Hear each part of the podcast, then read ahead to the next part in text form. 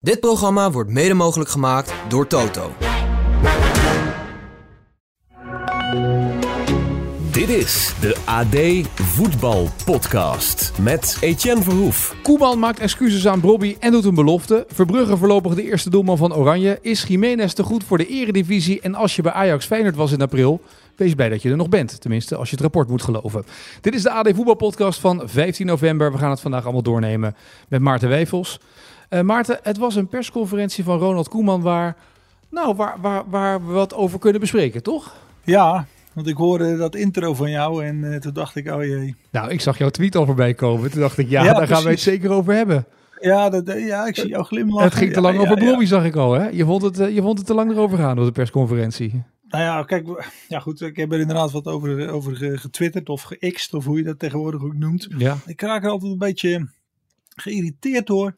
We, we van de media, die, die gaan dan uh, eigenlijk willen we graag dat, uh, nou we hebben het ook wel eens besproken, hè, dat graag dat ze wat zeggen in het openbaar, trainers en spelers en, en ook misschien over elkaar. En, oh, en als, ze dat, als ze dat niet doen, dan zijn het sneuneuzen en dan zijn het uh, saaie dienders. Mhm. Mm -hmm. En als ze het wel doen, oh, dan gaan we daar eens even de, de, de guillotine op neerlaten. Want dan zal Ronald Koeman toch echt wel even door het stof moeten. En dan zal hij toch zes of zeven keer moeten zeggen dat hij het anders moest doen. Ja, ik zit er altijd een beetje ja, verveeld ook naar te kijken. Omdat als hij één keer even zegt, joh, dit en dit en dat, dan is het toch klaar. Er zijn zoveel interessante vragen te stellen aan een bondscoach die je bijna niet spreekt. Is hij in het openbaar? Hij is met een, met een elftal bezig. Um, hij, hij past nieuwe jongens in. Er staat straks een toernooi voor de deur. Daar kun je van alles bespreken. En dan gaat, dan gaat de tijd op aan, aan acht keer dezelfde vragen. Naar, naar wat hij over een speler wel of niet heeft gezegd. Ik vind het zo mager. En ja, goed, het, was weer, het was weer zo van uh, dit keer. Nou, dit zei Koeman zelf over die hele situatie met Bobby en wat zijn woorden waren bij Rondo. Ja, het verbaast mij dat het uh, zo'n item is geworden. En, uh, en, wat ik tegen hem heb gezegd is gewoon dat ik hem, dat ik vind achteraf dat ik hem iets meer in bescherming had moeten nemen. Maar ja, ik ben een hele slechte politicus. Volgens mij weet je dat ook wel. Te eerlijk. Ja, en dan word je wel eens voor gestraft. Het is geen politicus, zei hij letterlijk ook. Het, is, het, is, het zou geen Mark Rutte zijn, Ronald Koeman. Dat is duidelijk. nee. Maar ja, ik, ik ken hem zelf niet anders. Uh, begin van deze eeuw werd hij trainer bij Ajax. En ja, dan was hij ook, als je hem dan sprak, dan praatte hij open over, over Van der Vaart, over Pinaar, jongens van, van, van 20, net zo oud als Brobby nu. Uh, alleen van mij, van mij hoeft het ook niet dat hij in het openbaar over speler X dit of dat zegt. Maar hij zegt het ook uh, intern tegen ze. Dus als je de boodschap intern verkondigd hebt. Ja, en je zegt er dan in een, in een, in een discussie aan een tafel ook extern wat over. Dan, ja, dan, dan is dat eigenlijk. Uh, dat is dat op zich niet zo gek. Maar het gaat meer om dat het allemaal lading krijgt. En, ja. In deze en, tijd is alles een lading. Hè? Ik bedoel, alles wat jij het, zegt wordt ook overgetikt op sites. En dan ja, zeggen ze ook, nou ja, vindt dat. Ook, en, nou ja, dat. Ook ja. dat. Pff, waar gaat het over? Ja, nee, jij bent er gewoon, je bent nieuws. Je bent zelf het nieuws, hè? Klikken, klikken, klikken. Nou ja, ja maar dat, dat, is, dat staat zo ver af van... Ja goed, nou ja, dat hadden we die discussie allemaal niet voeren. Nee, want anders hebben we geen podcast maar, meer. Moeten we vooral wel... nee, maar, ja, maar nou, afgelopen maandag. Ik, heb, nou, maar, ik vind het echt wel interessant dat afgelopen maandag bespreken wij het weekend na. En ik ja. heb best wel veel reacties gehad van mensen die zeiden: Goh, wat, wat leuk dat je dan op een enthousiaste manier over het voetbal praat. En, en, en wat je gezien hebt in wedstrijden. En we vinden toch voetbal leuk. En, en, en het spel en, en, en, en verrassende spelers die doorkomen. Nu ook weer met die, die jongen van Almere City. Dat is toch een prachtig verhaal. Dat hij dan scoort en dat hij dan zegt: Ja, ik kom ook uit Laren. En dan, en dan vragen ze: Speel je bij Hurley? En, of of ja. nu Dallinga bij het Nederlands elftal. Dat is toch prachtig. Waarom is dat niet genoeg? Waar, waarom moet het vaak over, over gelul gaan gewoon? Nou. Ja, ik, nou ja. Maar even nog één ja? ding over, over. Dit is ook. Um, gisteren was dan. Uh, ook de, de dag in 1985 was het volgens mij. Dat Nederland zelf in Oostenrijk speelde. En dat Michel Valken toen een eigen doel schoot. En um, uh, toen. Ja, beroemde. Commentaar wat daarbij hoort is van de bondscoach toen, Rinus Michels, die dan ziet zij in de trant van, ja god, eh, als we ook nog in onze eigen goal gaan schieten, dan... Eh, dan, je dan, dan, dan Rinus Michels imitatie doen? Proberen? Ja, dat, dat, dat, moet ik volgens mij niet doen, maar dan schiet het niet op met die kwalificatie, zoiets. En dat, dat zei hij dan eh, tegen Michel Valken zelf, dat zei hij openlijk. Ja, dat, dat, dat werd toen, ja, dat, dat was toen gemeengoed. En ja, Ja. dat is nu, dat, dat zou een bondscoach nu volgens mij niet meer moeten zeggen. Want dan... eh, Dat ja, zou Koeman wel leuk, zou wel leuk zijn als Koeman dat zegt dan een keer, toch? Ja, oké. Okay, zou ook nog een eigen goal gaan scoren. Maar goed, dat gezegd Ja. hebbende. Eh Koeman, er was genoeg te bespreken, zei je op deze persconferentie. Nou, een van de dingen, hij Ja. was gelijk duidelijk over wie de eerste doelman is bij Oranje voorlopig, hè? Ja, dat is natuurlijk toch wel iets. Eh, als als eh, Bart Verbrugge ook deze twee wedstrijden, die niet de moeilijkste zijn, als hij die op een, op een normale manier doorkomt, ja, dan, dan staat de voorlopige keeper van het Nederlands elftal wel vast. Uiteraard, hè, de volgende Interland zijn in maart, dus dan gaat er wel een hele tijd overheen. En hij keept bij, bij zijn club Brighton, zit hij in een soort relatiesysteem waardoor ja, het misschien niet ideaal is dat hij niet elke, elke week een wedstrijd keept. Maar dit is wel een, een, een keuze die. Er is, er is nu echt een keuze gemaakt. Ja. En dat was tot voor kort. Ja, de, ene interlandperiode speelde die keeper en de volgende de andere. Het was, het was echt een duiventil. En Koeman probeert nu om daar toch een eerste schifting in te maken. Hij heeft nu ook drie keepers bij elkaar. Ik weet niet of wij het er in de podcast over hadden of dat het, dat het gewoon op onze redactievergadering te sprake kwam. Misschien het laatste wel.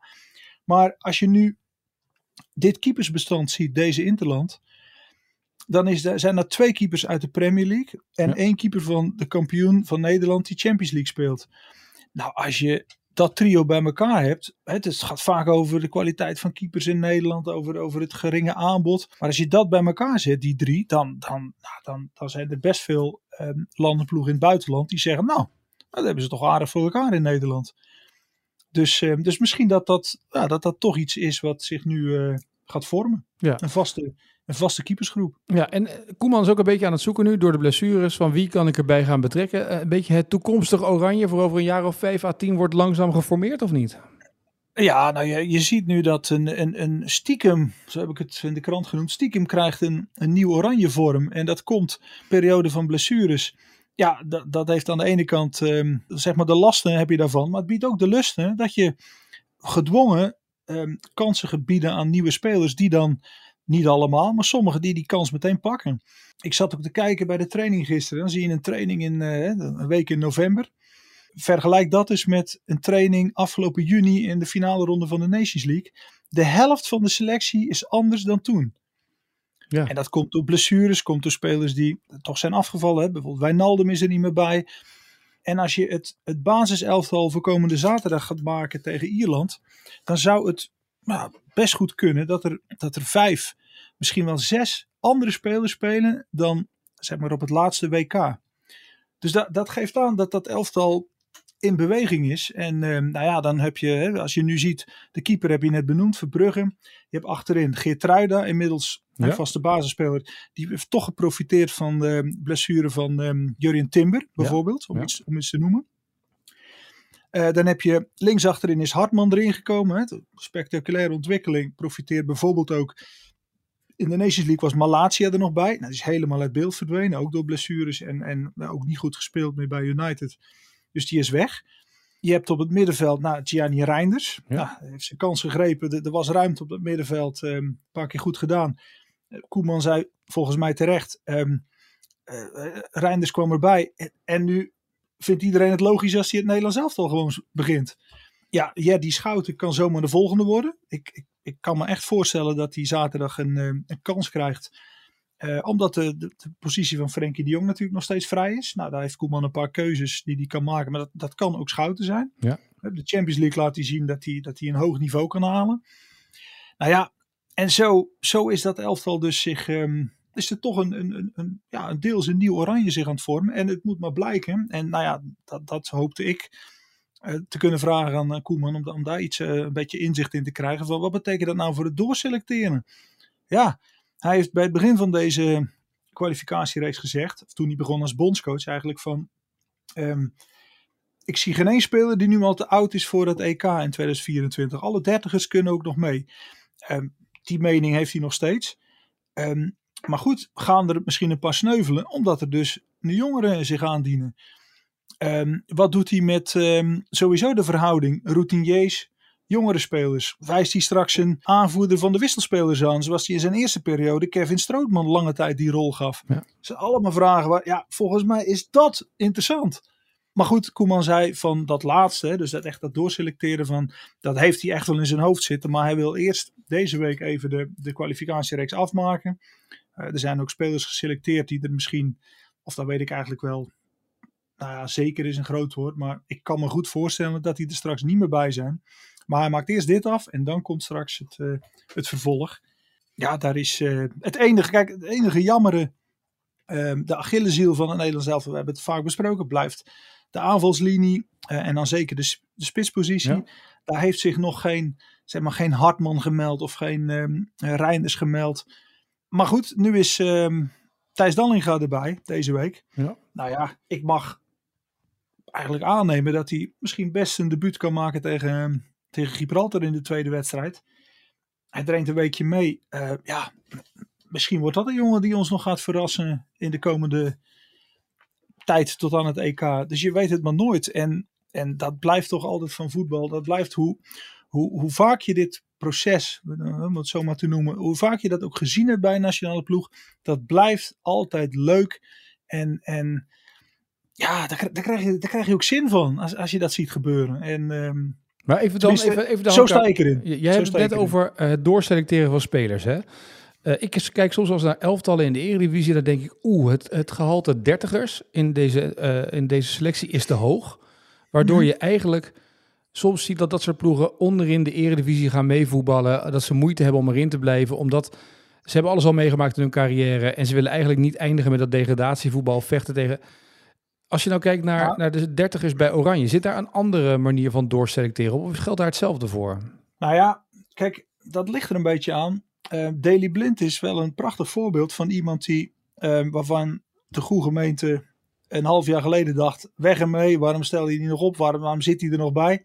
Maar laten we wel gewoon zeggen zoals het is: die speelt bij de koploper van de, van de Primera Division. Die spelen geweldig voetbal en hij, hij, hij, hij, speelt daar, hij speelt gewoon een hoofdrol daar. Hij staat er altijd in, centraal achterin. Ik zit die wedstrijden te kijken. Um, hij, heeft, hij komt soms eens mee naar voren. Hij gaf laatst ook weer een, een, zeg maar de voorassist voor een, een, de winnende goal in de negentigste minuut. Die trainer, ja, die heeft hem vooraf voorgespiegeld. Luister, ik heb een voetballend elftal. Ik heb iemand nodig van achteruit. Die de passing verzorgt. Die, die, dat, die, die ook andere spelers een beetje meeneemt in het neerzetten. Ja, en Blind doet dat, doet dat echt prima. Dus er is op dit moment geen enkele reden om, om hem als dertiger te laten afvallen. Maar ja, Martin de Roon is een andere ik denk dat het voor hem wellicht moeilijker wordt, omdat die concurrentie op het middenveld echt heel groot is. Maar als je het dan hebt over een, ja, toch een, een soort leider van de wisselspelers, ja, mensen kunnen daarom lachen. Maar je hebt toch ook tijdens een toernooi iemand nodig die gewoon zorgt dat er elke dag ook de wisselspelers volle bak trainen. En, en Strootman, ja, die had dat van nature. Die, die, die op de dag na een interland, dan dirigeerde gewoon hij de training. Is de Roon bijvoorbeeld een type die dat zou kunnen? Of, of leg je dat bij blind neer? Ja, dat moet allemaal blijken. En ja, ja als je verder dertigers ziet, ja, in de spits, ja, Weghorst. Ja, dat is ook een beetje de vraag, hè, wat doe je daarmee? Stel dat Luc de Jong toch nog terug zou komen, dan denk ik dat een van die twee dertigers misschien, misschien niet zou meegaan. En verder, ja, de aanvoerder Virgil van Dijk is ook de 30 passeerd. Maar dat is, ja, dat is de aanvoerder, die gaat zeker mee. Ja, precies. Ik dan even een uitstapje maken. Ben je het eens met Gema Lozano of niet? Geime, uh, Geime nou, trouwens, hè? Geime ja. Lozano. Nou, ik vond het wel een opvallende uitspraak. Ja. Bondscoach uh, van Mexico. Ja. De, de, bondscoach van Mexico, die zei nou, Jiménez, uh, die is de Eredivisie ontgroeid, die moet, maar, die moet maar weggaan bij Feyenoord. Ja. Nou ja, dat, dat is toch, dat, dat krijgt denk ik nu toch een dynamiek de komende maanden. Want um, ik weet niet beter, omdat ik dat bij uh, PSV ook hoorde vertellen over Lozano, dat ze in Mexico de Eredivisie en, en de Nederlandse topclubs gewoon echt hoog aanslaan. Want, want ja, PSV is een mooi voorbeeld, maar, maar Ajax inmiddels ook. Die hebben natuurlijk echt Mexicaanse internationals gehad, die grote dingen presteerden in, in, in Europa. Ja, de status van de competitie is in Mexico toch echt wel, wel, wel, wel staat goed aangeschreven. Maar deze bondscoach, we moeten even, dat, die slag wil ik om de arm houden. Uh, wij krijgen hier de vertaling binnen.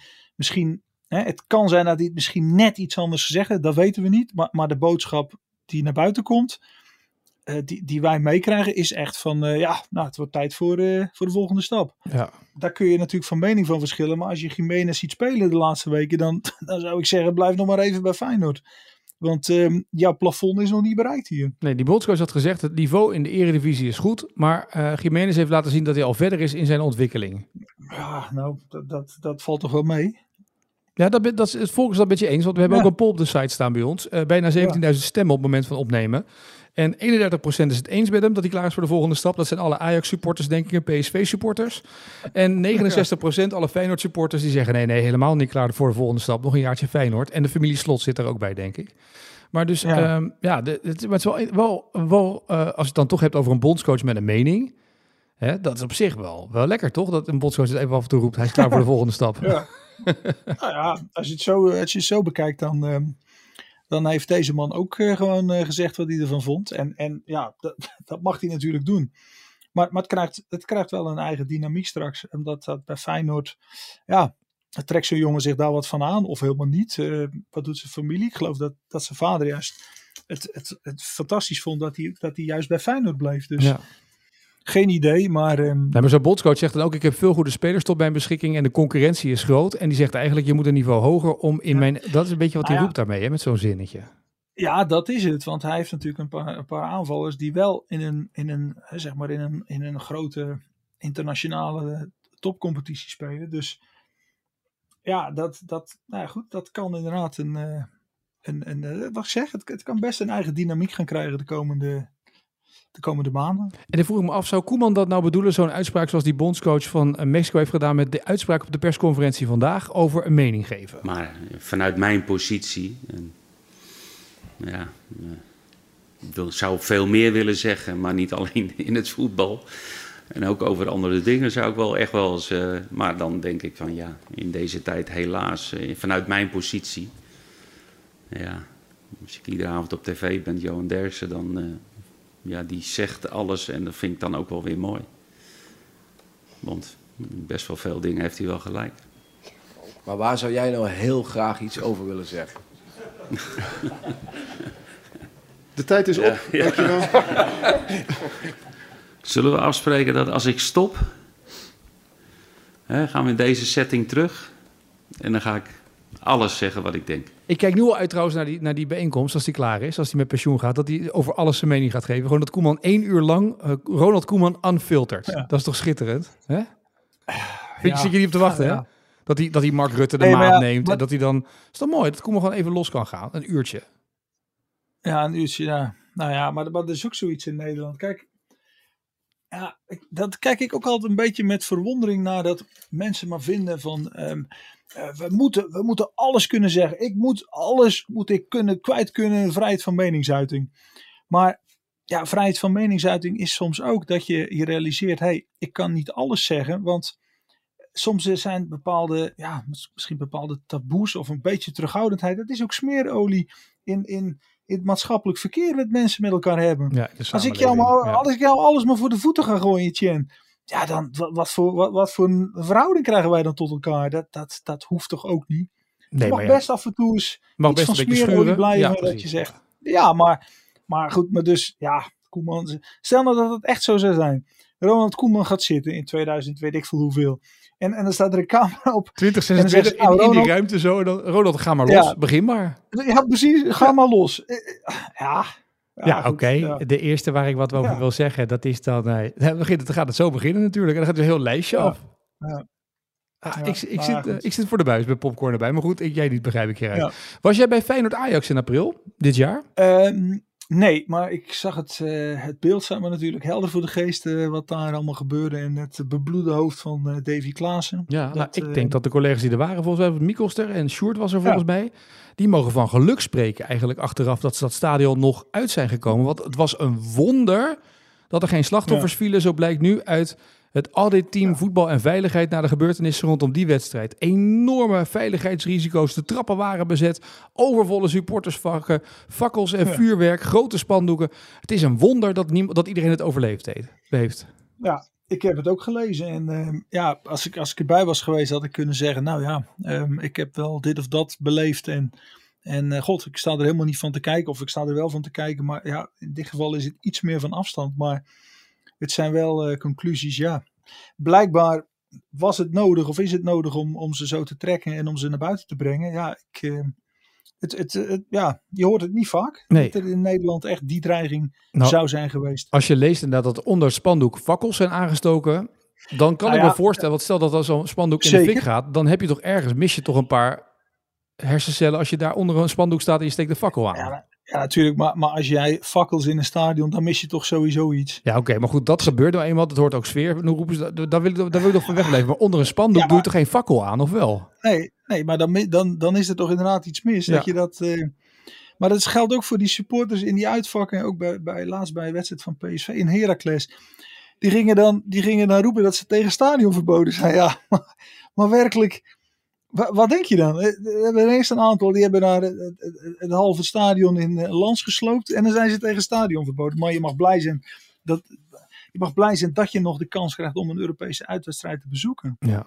En, en ja, het is ook, ja, als, je dat, als je dat ziet en wat daar soms inderdaad in uitvakken te zien is, ja. Nou was het ook wel zo natuurlijk dat Abu Talib nog de afloop, er waren meer supporters in sommige vakken dan toegestaan waren. De trappen waren bezet. Die zei ja, eh, misschien betekent het wel dat een deel van het stadion te druk is, dat Feyenoord te veel kaarten had verkocht. Daar gaat, gaat het een beetje over. Eh, Mhm. Ja, dat is natuurlijk wel iets wat de club zelf kan controleren, toch? Ja, nou ja, vast wel. Ja.